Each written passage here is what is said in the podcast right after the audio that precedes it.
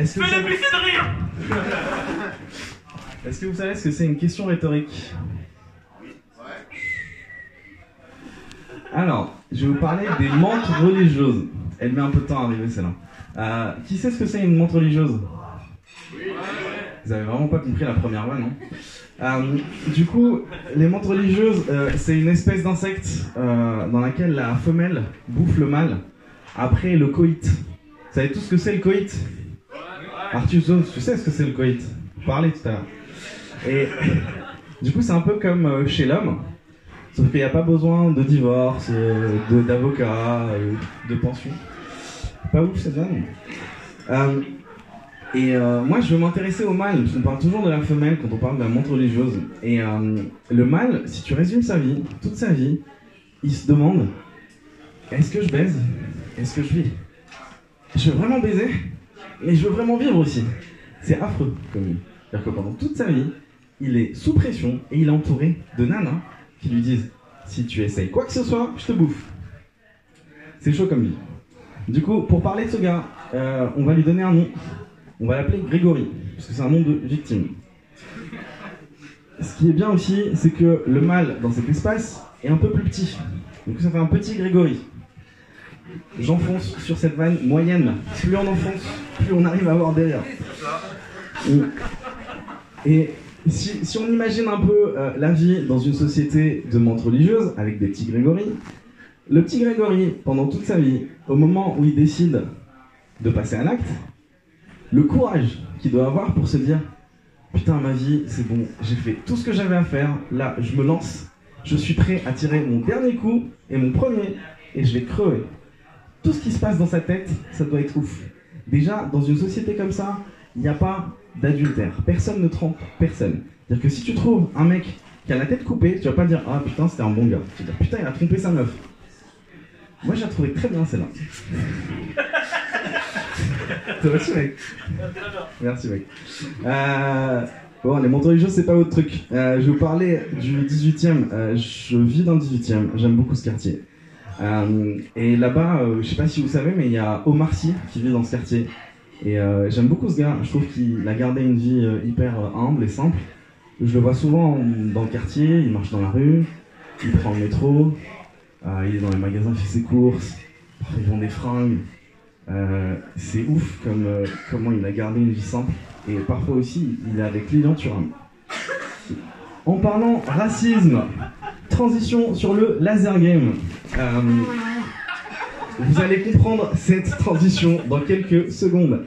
Euh, le laser game, c'est pas mon truc. J'ai essayé une partie, j'ai vraiment détesté. Et pas parce que je me faisais battre, mais parce que euh, j'ai du mal avec la règle principale de ce jeu, qui est de tirer sur des gens de couleurs différentes. Parlons laser game, parlons racisme. Euh, Elle est bien la transition en vrai. Hein? À combien je suis Oh, très bien, 30 secondes. Alors. Ma dernière scène, euh, c'était un enfer. C'était vraiment pire que ce. Euh, J'étais euh, même pas programmé, je suis monté sur scène par surprise. J'avais un peu bu, personne ne riait. À la fin, je me suis fait foutre dehors par mon meilleur pote qui me dit Jamais tu retouches à ce micro, tu vas ruiner mon mariage. Sur cette belle vanne que moi en vrai je kiffe. Vraiment moi cette vanne je l'aime bien, je me suis réveillé le matin que pour ça. Euh, et quand j'ai pas de rire, j'ai l'impression d'être François Hollande. Vous vous dites ce mec est peut-être sympa mais il est pas fait pour ce job. Euh, sur ce semi-bide, on va appeler ça un semi-bide. Euh, je vous laisse avec le MC de la soirée, il est nettement plus drôle que moi, il s'appelle Black Adam. Merci. Faites du bruit pour le propre de la soirée, pour les saisir, c'est compliqué.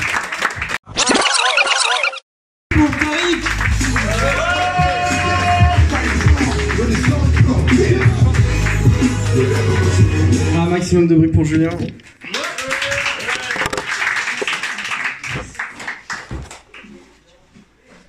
Je sens que je dois parler. Et je sens que ça vous fait du bien que je parle. En vrai, on m'a jamais dit sois beau et tais-toi. Donc c'est normal.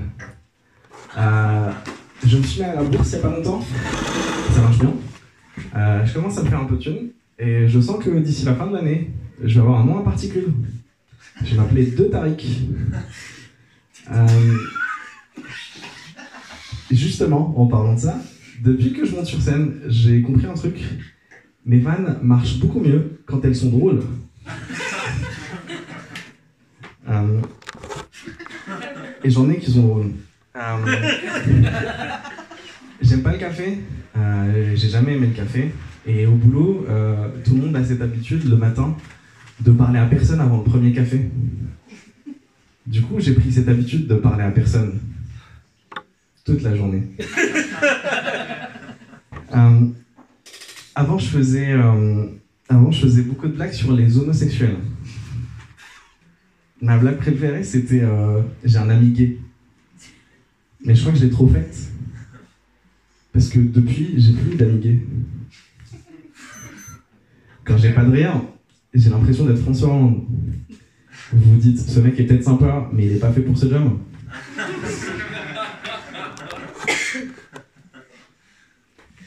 Je suis un mec euh, facile à vivre, en règle générale. Même pour les ruptures, ça se passe très bien. Quand une nana me quitte, je lui dis juste, garde les enfants. Pas de prise de tête. Je sens que sur cette blague, les rires étaient comme des câbles de invisibles.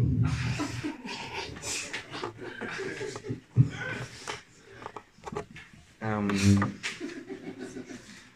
Je suis parti voir mes parents ce week-end et euh, on a parlé de famille.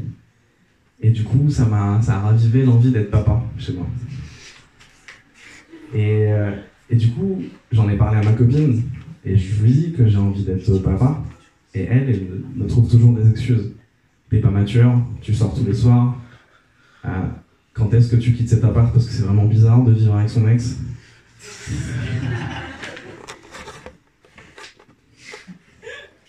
Vous avez remarqué que je connais pas mon texte ou pas Euh, J'étais en soirée la dernière fois et il y a une nana qui me plaisait.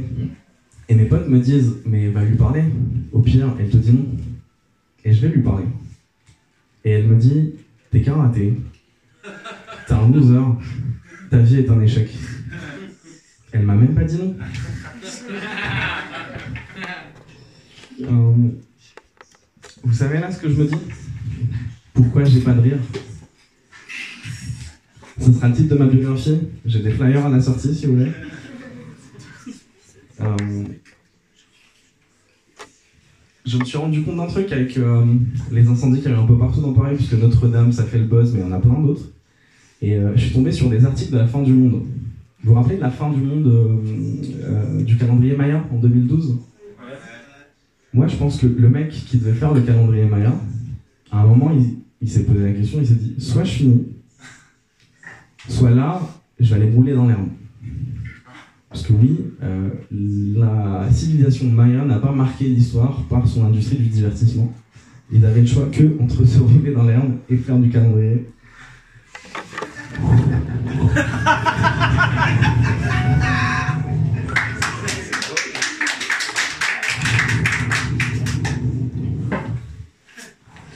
Euh, dans ces moments, j'ai un sixième sens qui me permet de me sentir bien.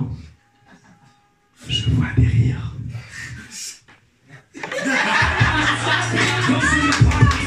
Merci. C'était Blanche Gardin, merci beaucoup.